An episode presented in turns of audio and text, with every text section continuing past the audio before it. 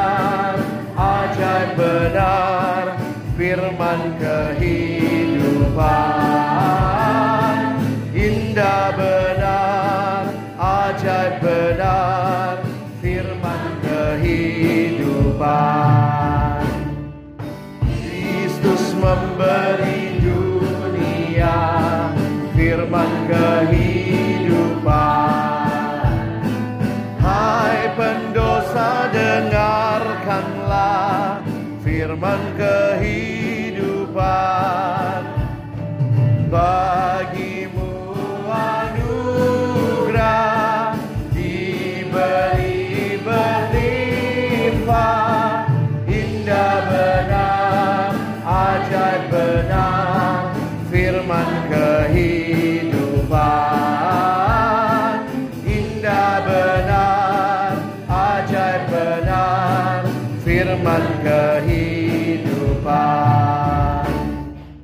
Kita berdoa sebelum membaca merenungkan firman Tuhan. Kami bersyukur kepadamu Tuhan Allah kami yang hidup di hari perhentian yang kau berikan kepada kami. Tuhan memberi waktu kesempatan bagi kami untuk bersama-sama memuji Memuliakan namamu. Dan tiba waktunya bagi kami untuk membuka firman-Mu ya Tuhan. Kami mohon waktu kami membuka firman-Mu Bukalah juga hati kami. Jadikanlah hati kami seperti tanah yang baik Supaya ketika benih firman Tuhan ditaburkan itu boleh sungguh-sungguh berakar, bertumbuh, dan juga berbuah nyata di dalam kehidupan kami. Berkati baik hambamu yang menyampaikan dan setiap kami yang mendengarkan. Tuhan tolonglah kami semua agar kami bukan hanya menjadi pendengar-pendengar firman yang setia, tapi mampukan dengan kuasa dari rohmu yang kudus, kami dimampukan menjadi pelaku-pelaku firman-Mu di dalam kehidupan kami, di dalam masa muda kami.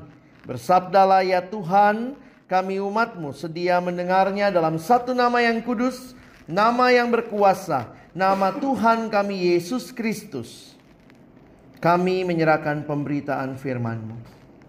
Amin. Silakan duduk. Firman Tuhan pada sore hari ini saya mengajak kita akan melihatnya sama-sama di dalam kitab Yakobus. Di dalam Yakobus pasalnya yang keempat. Mari kita membaca bersama di dalam ayatnya yang ke-13 sampai dengan ayat yang ke-17. Yakobus pasal yang keempat ayat yang ke-13 sampai dengan ayat yang ke-17. Mari jika sudah ketemu kita membacanya bersama-sama. Saya baca 13, teman-teman 14, kita bergantian sampai 17. Jangan melupakan Tuhan dalam perencanaan. Jadi sekarang, hai kamu yang berkata hari ini atau besok kami berangkat ke kota Anu, dan di sana kami akan tinggal setahun dan berdagang serta mendapat untung.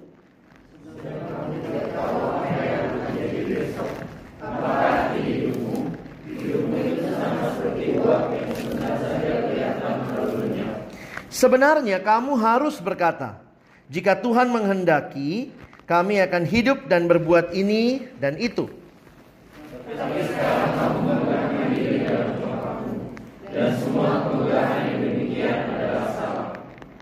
Jadi, jika yang seorang tahu bagaimana ia harus berbuat baik, tetapi ia tidak melakukannya, ia berdosa. Semikian jauh pembacaan firman Tuhan. Berbahagialah kita yang bukan hanya membaca, tapi merenungkannya dan melakukan di dalam hidup kita sehari-hari. Haleluya, Saudara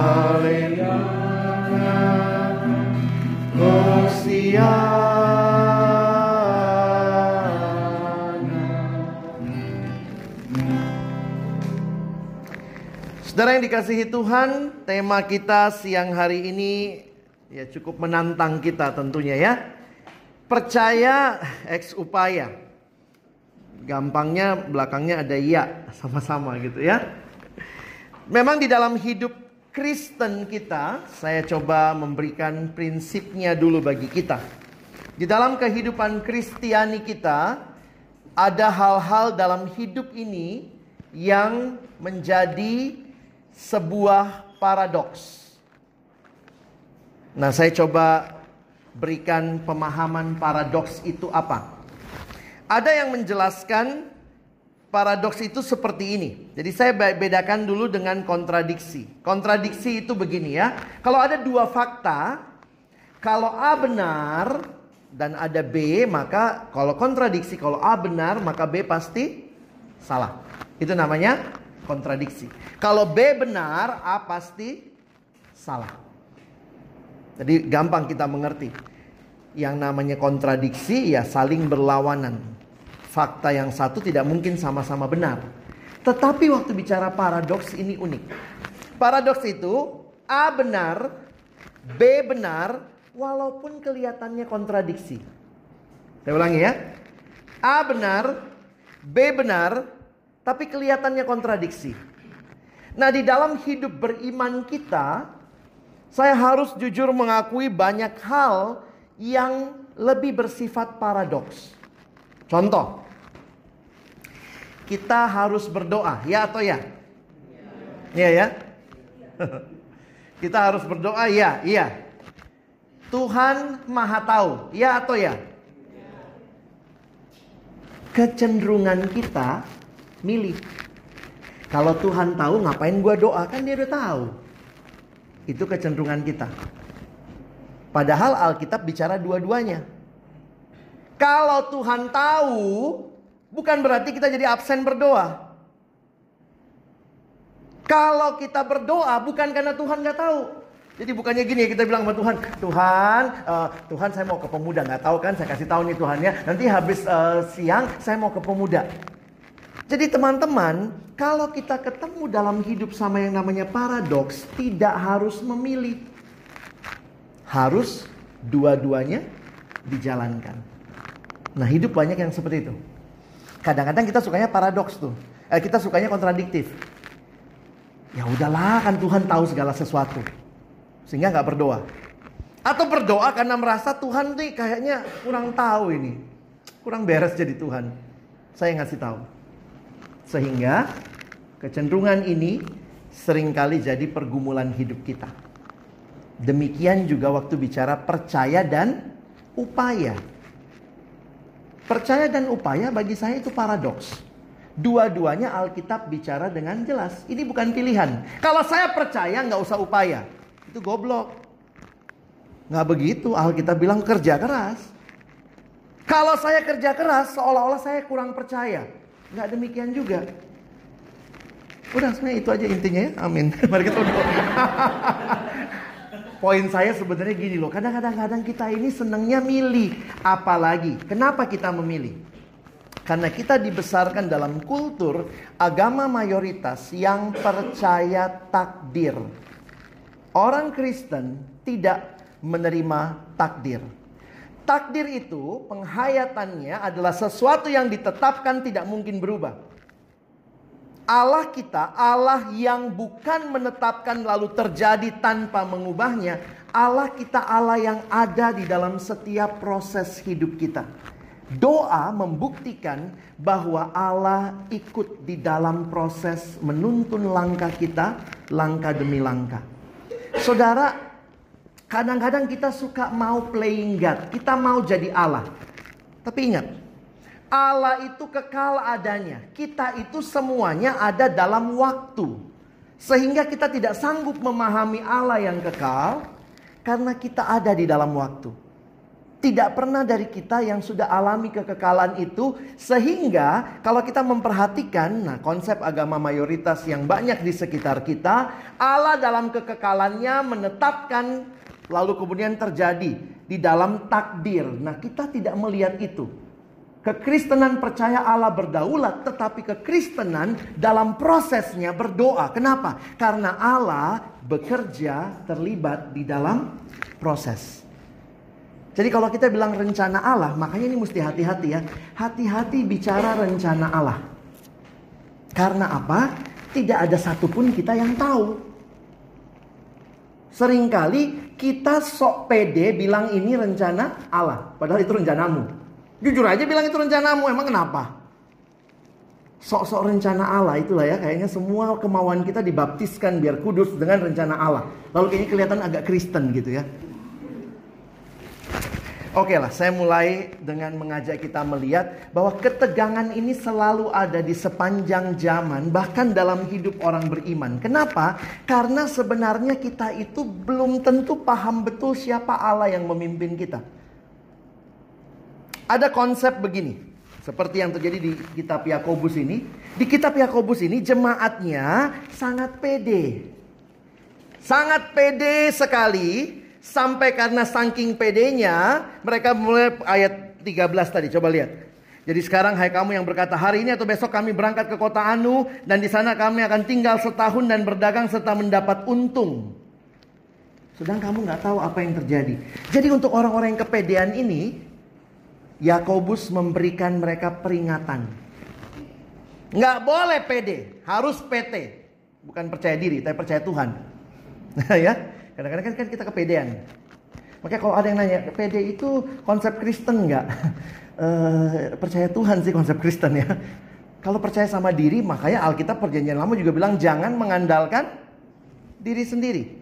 Jadi kepada orang-orang yang sangat pede ngandalin rencananya sendiri, Alkitab ingatkan, ingat Tuhan sebenarnya harusnya yang kamu yakini Tuhanlah yang memimpin hidup. Jangan bersandar pada kekuatanmu sendiri.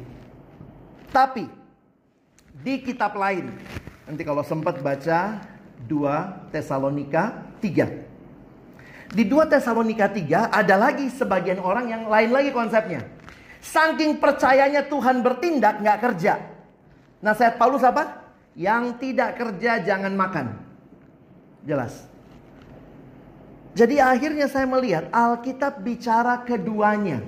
Ini bukan pilihan, ini satu kesatuan. Seperti sebuah koin punya dua sisi, demikian juga Percaya dan upaya dua-duanya menjadi penting. Seperti koin itu baru ada harganya kalau punya dua dua sisi. Atau sama seperti kereta api, kereta eh kereta bukan kereta api ya, nggak pakai api lagi ya. Komuter lain lah ya. Ini lagi ngedrop lagi ya, terguling kereta di Depok ya, di Bogor, daerah sana. Jadi katanya kereta lagi terganggu karena terguling keluar rel. Rel itu dua, saudara sejauh itu komuter lain jangan bikin LRT ya, cuma satu relnya gitu ya. Dua-duanya harus ada. Jadi saya kalau melihat orang suka nanya, jadi bang gimana? Apakah ini kehendak Tuhan atau bukan? Bagaimana upaya saya? Dua-duanya harus kita jalankan. Upaya yang paling maksimal dalam penyerahan yang paling maksimal. Itu persis kayak lagu yang dipilih di awal tadi. Teman-teman lihat lagunya? Ku tak akan menyerah pada apa pun juga sebelum ku coba semua yang ku bisa, tapi ku berserah kepada kehendakmu, hatiku percaya. Nah, konsepnya sih memang gampang, tapi seiring berjalannya waktu, waktu kita udah alami tantangan kehidupan, sering kali nggak mudah ya. Kenapa saya katakan nggak mudah? Karena sekali lagi kita juga pengen jadi Tuhan. Itu dari awal keberdosaan manusia sejak kejadian tiga di Taman Eden manusia selalu mau jadi jadi Allah. Itulah kejatuhannya Adam dan Hawa dan itu kejatuhan kita semua.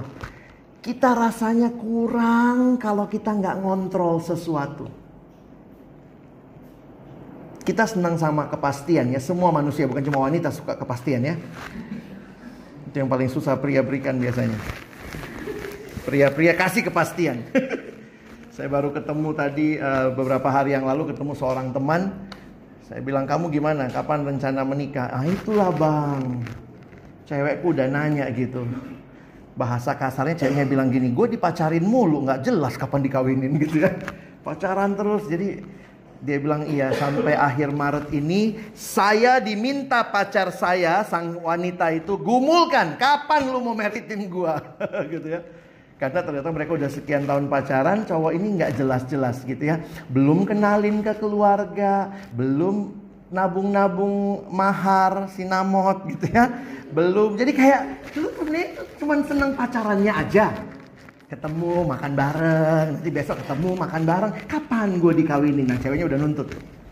Begitu ya.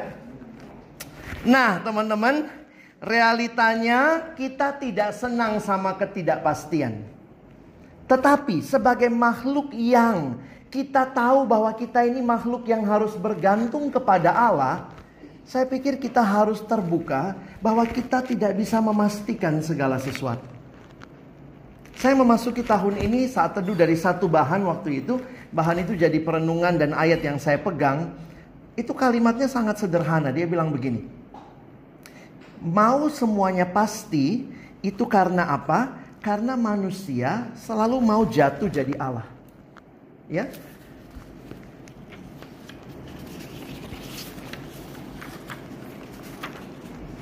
pasti itu punya siapa?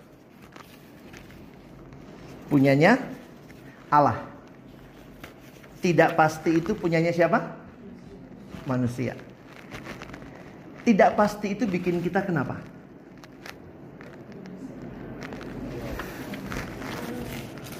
Ini harusnya dari sini tadi ya. Ini Allah, ini manusia. Ini saya pakai buat anak kecil ya, adik-adik gitu ya. Allah itu pasti kak. Manusia itu tidak pasti. Kalau manusia merasa semuanya harus pasti, manusia jadi Allah gitu ya. Nah, menariknya tidak pasti itu bikin kita Iya kan? Nah, saya dapat ayat itu ya, bagaimana Tuhan bilang sebenarnya kita bisa tenang. Mazmur 68. Coba kita lihat sama-sama ya.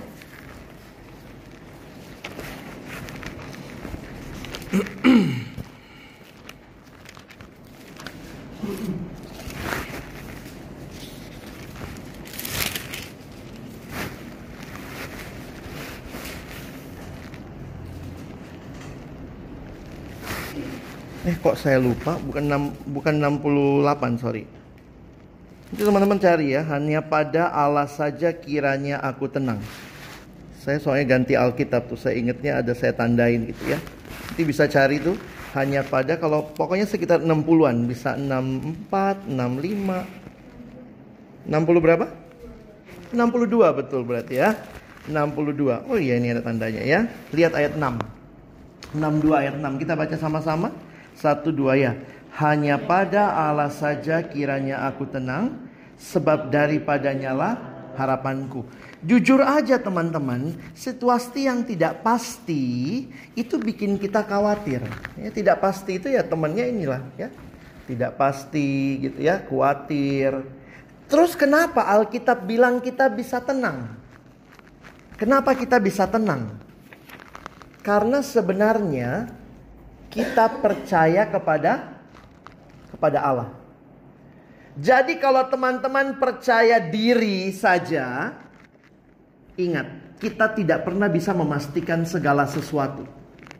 Tetapi di tengah-tengah yang tidak pasti itu, kenapa kita bisa tenang? Bukan karena kita yang memastikan segala-galanya, tapi kita percaya pada Allah yang memegang kendali kehidupan. Jadi aplikasinya secara sederhana kalau kita tahu prinsip ini, bolehkah kita merencanakan hidup? Bukan cuma boleh, harus. Boleh punya tujuan, boleh. Boleh punya cita-cita, boleh. Dan harus kita ingat juga, Allah bekerja juga di dalam prinsip-prinsip umum. Contohnya prinsip tabur tuai. Maksudnya apa yang ditabur, itu yang dituai. Belajar baik-baik, lulus, ya itu memang prinsipnya tabur tuai. Allah bekerja dalam prinsip-prinsip umum? Iya. Jadi kalau kita lihat orang-orang yang berhasil misalnya gitu ya, ya memang Tuhan juga menolong dalam hidup mereka. Ada hal-hal yang mereka sendiri punya kerja keras, punya upaya keras begitu ya. Dan saya melihat itu bukan hal yang bertentangan dengan hukum Allah. Orang yang kerja keras, tentu kalau dia kerja kerasnya di dalam keyakinan akan Tuhan, kerja kerasnya jadi fruitful dan indah. Waktu saya baca di dalam Alkitab, orang bisa kerja keras itu ternyata dua hal, saudara. Saya bisa kerja keras itu ketika bicara Matius pasal yang ke-6. Matius 6 kan bilang, e, apa yang dicari bangsa-bangsa yang kamu makan, kamu minum, kamu pakai. Orang bisa kerja keras karena khawatir. Bisa begitu. Saking khawatirnya nggak makan, nggak minum, kerja keras supaya akhirnya tercukupi semua kebutuhan itu. Satu sisi karena khawatir timbul kerja keras, tapi di sisi yang lain yang lebih kristiani adalah kita memahami bahwa karena Tuhan memelihara, makanya kan kalimatnya begitu ya. Allah sudah melihara, Allah sudah sediakan, maka kamu kerja. Jadi kerja keras yang didasari keyakinan Allah memelihara itu joyful. Tapi logika sederhananya begini, yang kerja keras karena khawatir pun fruitful nggak? Emang fruitful juga. Pagi kerja, subuh-subuh jadi satpam, jam 8 masuk kantor, pulang jam 5 narik gokar. Gitu ya, aduh anak kenapa? Anak empat. Bisa saya lihat ada yang kayak begitu ya. Ya apa yang dia kerjakan itu berguna? Oh ini ada yang terbakar ya. Tidak masalah?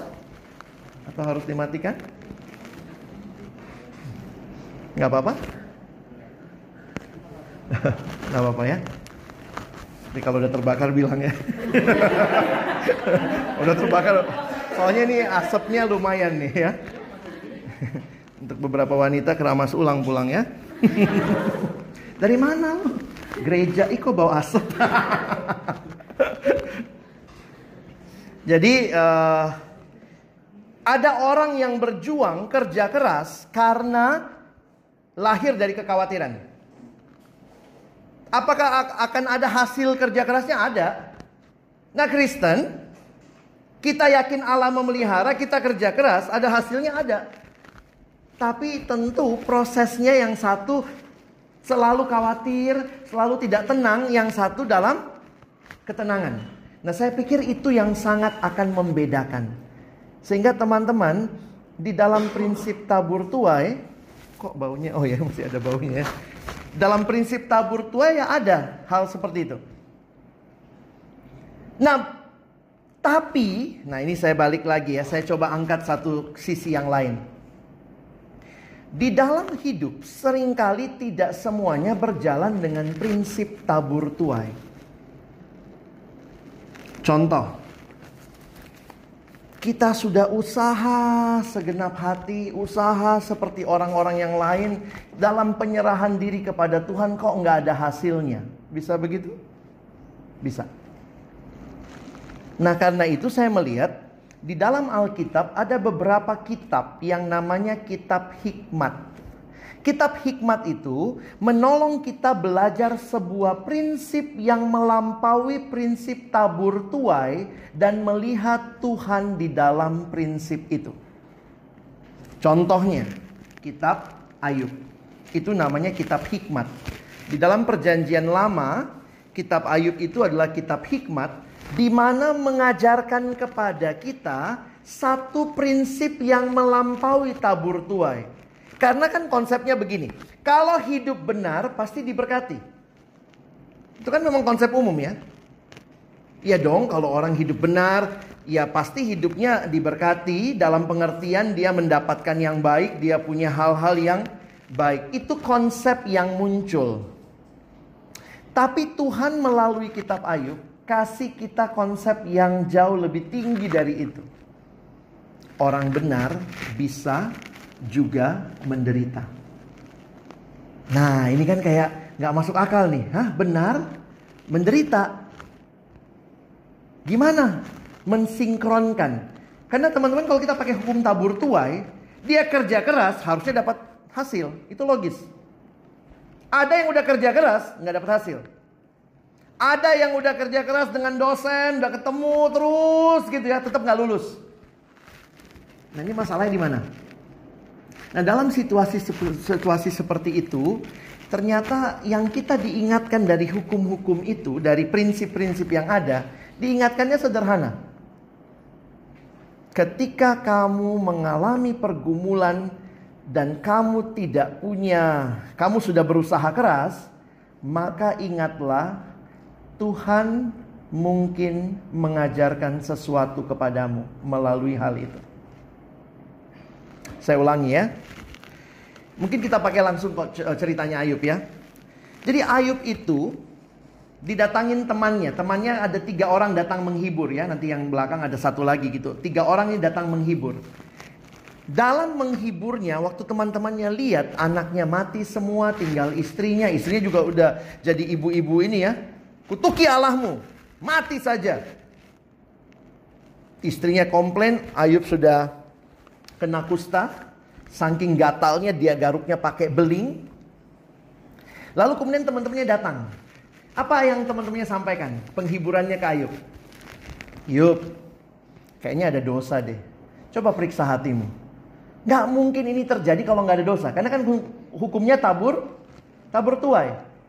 Itu orang ngalamin begini pasti karena dosa Ayub.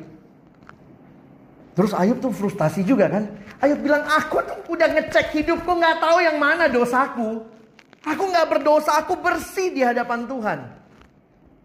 Temennya terus aja pasti, ayo inget-inget lagi, mana tahu ada. Pernah nggak digituin orang ya? Begitu kamu maju skripsi, semua temen lulus, kamu enggak, ketemu dosen mentok, kamu udah kerja keras begitu ya. Terus kemudian orang suka bilang gitu, coba deh periksa hidup lo kali gitu ya. Nah, dalam situasi seperti itu, Ayub akhirnya juga frustasi ya. Saya pikir Ayub manusia juga. Kadang-kadang kalau kita lihat, teman-teman kadang-kadang kita langsung baca Ayub itu kesimpulannya Tuhan yang memberi, eh, Tuhan yang memberi, Tuhan yang mengambil, terpujilah Tuhan. Itu sebenarnya kesimpulan. Ayub itu waktu ngalamin itu bergumul banget loh teman-teman. Pergumulannya Ayub apa? Ayub juga nanya, Tuhan kenapa aku begini? Kan ini di luar logika berpikir. Hukum tabur tuai tadi. Coba lihat Ayub 16. Kalau teman-teman baca Ayubnya lebih detail, kitab hikmat itu unik. Kitab hikmat, sastra hikmat orang Yahudi, kesimpulannya di depan.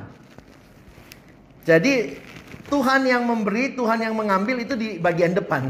Tapi tengahnya, ini prosesnya nih. Bagi saya prosesnya luar biasa juga ya. Coba lihat Ayub 16.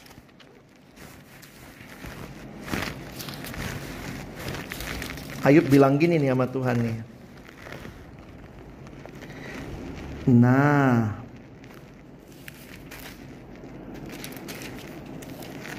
Ayub mengeluh tentang perlakuan Allah. Jadi kadang-kadang kita nggak tahu Ayub tuh ngeluh juga gitu ya.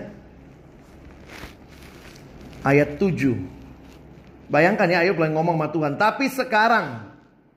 Nah Ayub jawab temennya. Tapi dia sebenarnya komplainnya sama Tuhan. Tetapi sekarang ia telah membuat aku lelah. Capek aku Tuhan. Dan mencerai beraikan segenap rumah tanggaku. Sudah menangkap aku inilah yang menjadi saksi. Kekurusanku telah bangkit menuduh aku. Murkanya menerkam dan memusuhi aku. Ia menggertakkan giginya terhadap aku. Lawanku memandang aku dengan mata yang berapi-api. Mereka mengangakan mulutnya melawan aku. Menampar pipiku dengan cercaan dan bersama-sama mengerumuni aku. Allah menyerahkan aku kepada orang lalim dan menjatuhkan aku ke dalam tangan orang fasik. Lihat 12 ya, ini komplain banget nih. Aku hidup dengan tentram, tapi ia menggelisahkan aku. Aku ditangkapnya pada tengkukku, bayangkan ya ditangkapnya di sini nih ya. Lalu dibantingnya dan aku ditegakkannya menjadi sasarannya. Kayak sansak gitu. Buk, buk, bangun lagi, pukulin lagi. Itu cara Ayub menghayati apa yang Tuhan lakukan sama dia. Ayub sangat realistis. 12 13. Aku dihujani anak panah Ginjalku ditembusnya dengan tak kenal belas kasihan. Empeduku ditumpahkannya ke tanah. Ia merobek-robek aku, menyerang aku laksana seorang pejuang. Kain kabungku telah kujahit pada kulitku. Saking seringnya berkabung, udah bajunya itu jahit aja. Itu kira-kira gambarannya ya. Dan tandukku kumasukkan ke dalam debu. Mukaku merah karena menangis bulu mataku ditudungi kelam pekat. Sungguh pun tidak ada kelaliman pada tanganku dan doaku bersih. Nah, ini bingung juga Ayub diginiin ya. Teman-teman kalau lihat seperti ini kita jadi terus Ayub gitu. Tuhan yang memberi, Tuhan yang mengambil, terpujilah Tuhan. Ayub bergumul loh. Tapi yang menariknya apa? Pergumulan itu membawa Ayub bukan lari dari Allah tapi datang kepada Allah.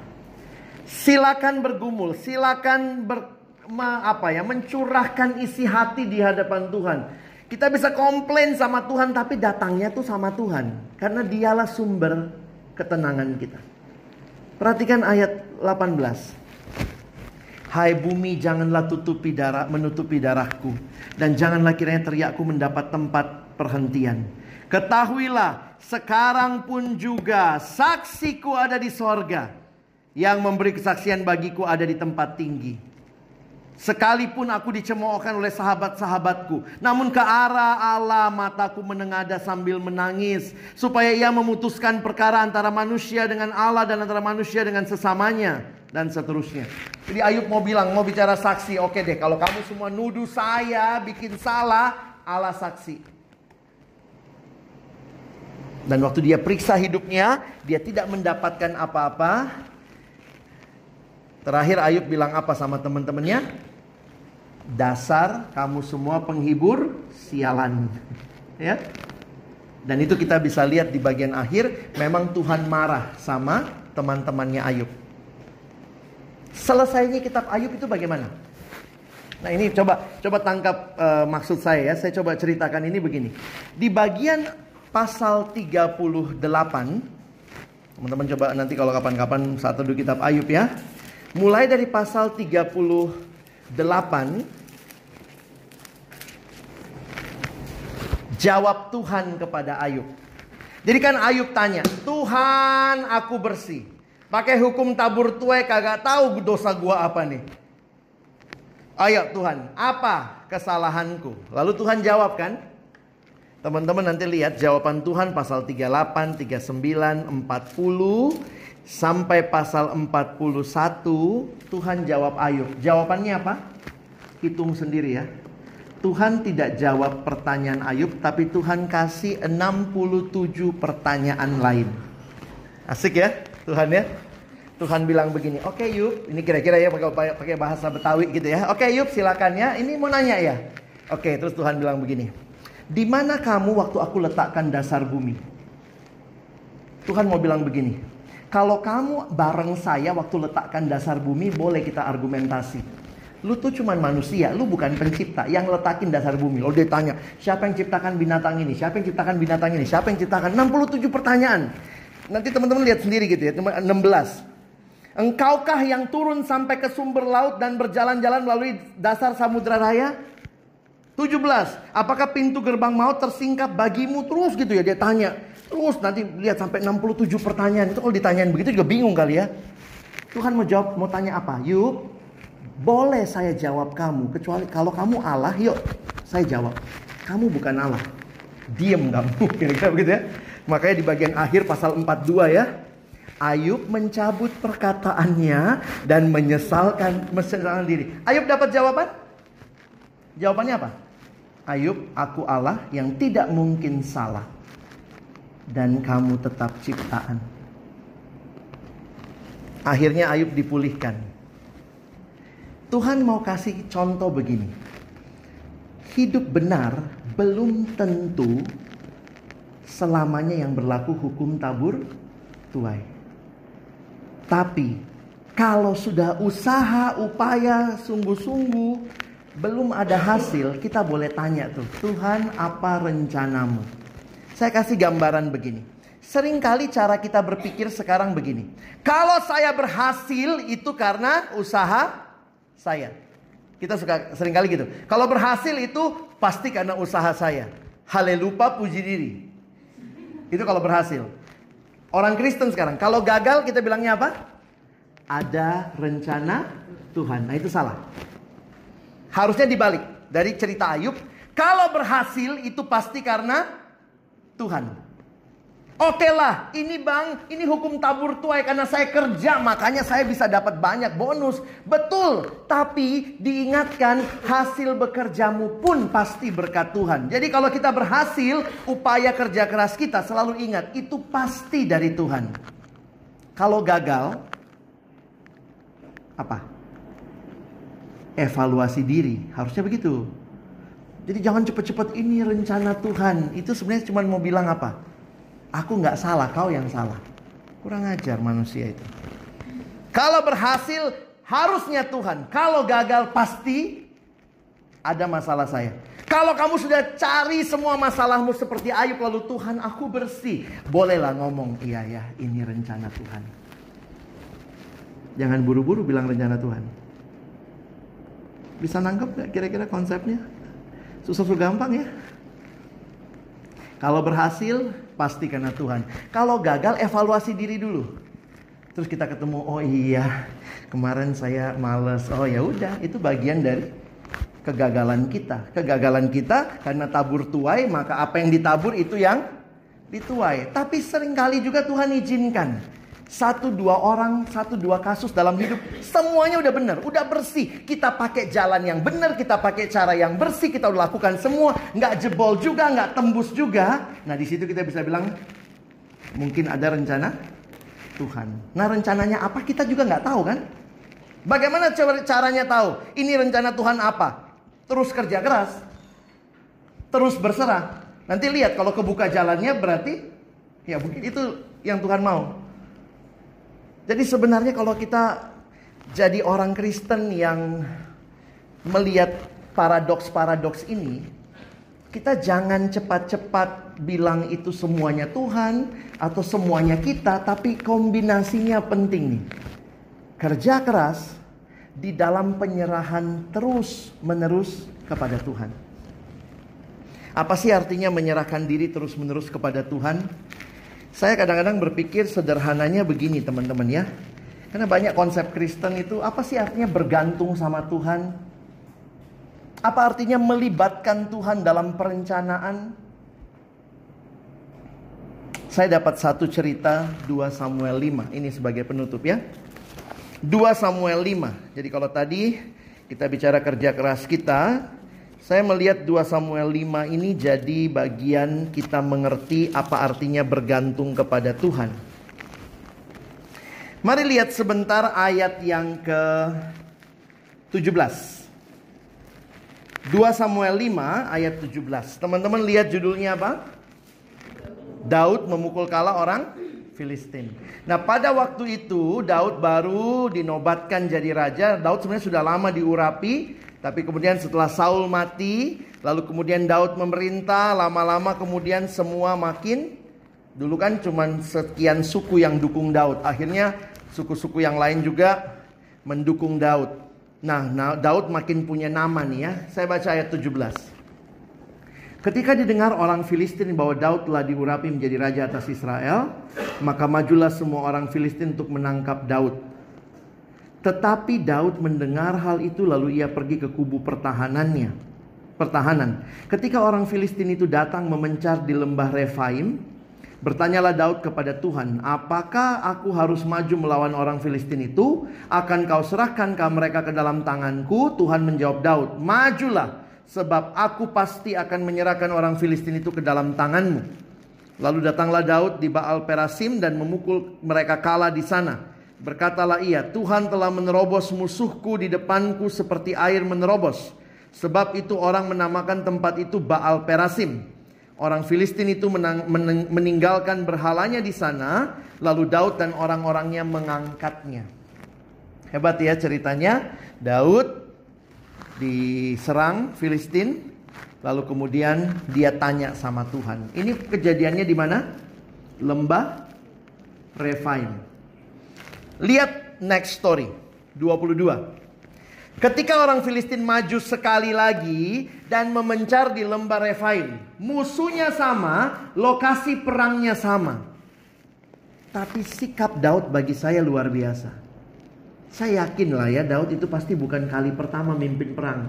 Ini juga bukan perang pertamanya. Tapi waktu datang musuh yang sama, lokasi perang yang sama, Daud tanya sama Tuhan. Lihat ya. Maka bertanyalah Daud kepada Tuhan dan ia menjawab, Wah hebat Tuhan kita memang full of surprise ya. Tuhan anti mainstream. Janganlah maju, nggak enak. Kemarin kan gaya maju, sekarang muter ya, gitu ya. Tuhan anti mainstream gitu ya. Saya berapa kali kalau jadi pembicara, kak, kak foto. Pembicara di tengah. Mainstream amat sih ya. Kadang-kadang pembicara mau di pojok begitu ya. Tuhan bilang jangan maju. Sekarang buat gerakan lingkaran. Waktu lingkaran nanti dari arah pohon-pohon kertau ya. Sampai ke belakang mereka sehingga engkau dapat menyerang mereka dari jurusan pohon-pohon kertau. Dan bilang kau mendengar bunyi derap langkah di puncak pohon-pohon kertau itu. Maka haruslah engkau bertindak cepat sebab pada waktu itu Tuhan telah keluar berperang di depanmu untuk memukul kalah tentara orang Filistin. Dan Daud berbuat seperti yang diperintahkan Tuhan kepadanya. Dan maka ia memukul kalah orang Filistin mulai dari Geba sampai dekat Gezer. Teman-teman kalau saya tanya, Daud maju perang dengan apa? Saya pikir dengan kebergantungan kepada Tuhan. Dengar kalimat saya. Daud tidak maju berperang dengan sekedar pengalaman. Kemarin perang musuhnya itu maju. Mungkin aja kalau Daud maju juga, menang juga. Tapi orang yang bergantung kepada Tuhan akan menikmati setiap langkah pimpinan Tuhan. Pertanyaannya dalam hidup kita banyak kan upaya-upaya kita itu sebenarnya upaya-upaya berdasarkan pengalaman yang lalu saja. Tentu pengalaman ada gunanya. Tapi apa bedanya kita dengan orang yang lain? Saya pikir nggak usah jadi orang Kristen lah. Kita tahu kalau kerja keras hasil baik gitu kan. Tapi apa bedanya dengan orang Kristen? Saya pikir penyerahan kita. Waktu saya maju, saya kerja keras. Mungkin saya lakukan sama persis seperti kemarin. Tapi setiap kali saya tanya sama Tuhan. Relasi pribadi saya dengan Tuhan setiap hari. Memastikan langkah-langkah saya maju dalam hidup. Di dalam keseharian, di dalam pekerjaan, di dalam studi. Itu bukan cuma langkah berdasarkan pengalaman. Tapi itu langkah-langkah yang dipimpin oleh Tuhan. Dan teman-teman akan menikmati full of surprise-nya di situ. Jadi kerja keras mesti mesti. Tapi kerja keras kita apa bedanya? Upaya yang disertai percaya membuat upaya itu akan indah karena menikmati pimpinan Tuhan. Yakin Tuhan bekerja, percaya tapi nggak berupaya, itu sama seperti begini, Tuhan, aduh aku tadi jelek banget ujiannya gara-gara nonton drama Korea semalaman gitu ya. Aduh Tuhan gimana nih? Aduh mudah-mudahan dosennya buta, nanti matanya waktu periksa dapat 10. Pernah suka mimpi-mimpi begitu? Jadi permohonan-permohonan kita tuh selfish banget gitu. Kita berharap uh, upaya sekecil-kecilnya hasil sebesar-besarnya. Selalu mau upaya itu ya, apa uh, hukum ekonomi saya kalau layani anak SMA begitu, iya bang, gimana ya? Belajar sesedikit-sedikitnya nilai setinggi-tingginya. Saya bilang kadang-kadang kita mempermainkan percaya kita seolah-olah begini. Saya udahlah usahanya pas-pasan aja. Biar Tuhan bekerja. Dan cara Tuhan bekerja kita mintanya Tuhan melakukan yang mujizat terus. Butalah matanya. Nanti tiba-tiba dia tidak kasih sepuluh gitu ya. Saya pikir kok kita jadi aneh ya. Kita mempermainkan percaya itu. Percaya tidak menghilangkan upaya dan upaya di dalam percaya akan menjadi langkah-langkah yang indah. Saya tutup dengan satu kalimat, ini salah terjemahan ya, ini masalah terjemahan juga ya, bukan cuma di drama Korea ya. Ini guru SMP bahasa Inggris ngajarin muridnya di sekolah Kristen Tit, nggak usah disebut namanya ya. Tiba-tiba gurunya bilang begini, Jadi ini anaknya teman saya yang diajarin. Jadi pulang dia lapor sama bapaknya. Kata ibu tadi begini pak. Gurunya bilang, do your best and God will do the rest. Lakukan yang terbaik, maka nanti Tuhan istirahat. kan juga kalimat ya. Do your best and God will do the rest gitu ya. Jadi kadang-kadang jadi guru ini guru loh ngomong sama anak SMP. Adik-adik pokoknya lakukan. Ini mau jelang ujian nasional. Do your best. Jadi poinnya gurunya begini, kalau kita sudah do, do our best, kita nggak ngerepotin Tuhan. Ya, Tuhan akan istirahat gitu ya. Jadi waktu saya ingat itu saya bilang ini juga kadang-kadang jadi aneh ya. Beberapa kalimat-kalimat kita seolah-olah kalau kita upaya Tuhan istirahat aja. Sebenarnya sama kayak rel kereta itu ya. Kita butuh dua-duanya, bukan memilih. Tuhan pasti bekerja karena dia Tuhan. Dan lakukan bagian kita. Ada yang bilang begini juga. When you work, you work. When you pray, God work. Teman saya bilang nggak Kristiani itu. When you work, you work. When you pray, God work and you must also work gitu ya. Jangan karena sudah berdoa Tuhan ya sudahlah tutup mata pokoknya apa yang terjadi gitu ya nggak bisa. Itu kita mengkhianati percaya itu sendiri ya. Saya harap tema ini menolong teman-teman yang lagi kuliah mungkin, lagi kerja, lagi cari kerja, lagi bergumul, cari pasangan hidup juga begitu ya. Tuhan saya sudah doa, tapi kamu nggak pernah kenalan, mau datang dari langit tuh pasangan. Ini kadang-kadang, ayo upaya dong, upaya gitu ya. Kak, saya sudah sangat percaya. Ada lagi yang pakai ayat gitu. Saya udah pelayanan kak. Saya udah ikut ke mana-mana, semua acara saya ikuti. Kan Tuhan bilang carilah dahulu kerajaan Allah dan kebenarannya. Maka semua akan ditambahkan kepadamu. Kau kenalan nggak? Enggak sih kak. Ya ampun. Istri saya pernah baca buku terus dia bilang gini. Buku itu bilang begini. Yang tidak mesti pilih pasangan cuma Adam karena udah dikasih Hawa. Semua kita bukan Adam dan Hawa. Pilih. Upaya, upaya, nggak bisa diem. Ya, upaya ya. Jadi jangan berharap turun dari langit itu. Nah mungkin cewek yang agak susah upayanya ya. Boleh nggak nembak duluan? Kalau cowoknya cowok-cowok pasif zaman sekarang nggak ngerti, nggak tahu diri, tembak aja. Maksudnya gini loh, tembaknya juga sopan gitu ya. Apa sih maksudnya nganter-nganter saya terus? Kan banyak cowok-cowok begitu ya. Nganter terus, nganter terus. kan ada yang nanya sama saya, Kak, dia perhatian sama saya. Apa perhatiannya? Setiap kali mau ke gereja karena kami deketan dia lewat rumah saya, pasti dia nganter, dia jemput saya. Pulang diantar, antar jemput. Udah berapa lama, Dek? Kira-kira ini udah enam bulan. Terus ya cewek kan di enam bulan digituin, berasa kan? Be, berasa. Terus saya bilang, kau tanya nggak? Dia bilang, tanyanya gimana? Saya ceweknya gitu ya. Tanyanya gimana kak? Tanya kayak bilang gini. Bang. Ini udah enam bulan bang. Saya cuman mau tahu. Mesti bayar apa enggak? Mana tahu dia gojek. Aduh. Ya banyak cowok nggak berani nembak sekarang ya. Jadi ya kita perjelas relasinya ya. Belajar percaya, belajar berupaya. Oke, kiranya Tuhan menolong teman-teman jadi orang-orang yang tidak mempertentangkan kedua hal ini. Ya, mari kita berdoa. Tuhan, terima kasih banyak pemahaman demi pemahaman Tuhan bukakan kepada kami dan kami bersyukur. Kami adalah orang-orang yang Tuhan pilih, Tuhan panggil di tengah-tengah dunia ini untuk jadi murid-muridmu, jadi saksimu. Tuhan kami mau berupaya dengan sungguh tapi juga percaya dengan sungguh karena Engkau Allah kami yang sudah memberikan kepada kami keyakinan dan Tuhan memastikan setiap langkah Engkau sedang terus menuntun kami. Kau tidak biarkan kami sendirian. Tolong kami juga tidak malas untuk berupaya.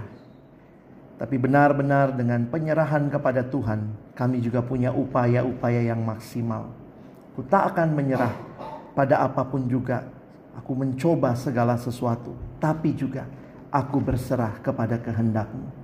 Terima kasih Tuhan, tolong kami bukan cuma jadi pendengar firman, tapi jadi pelaku firman. Dalam nama Yesus kami berdoa. Amin.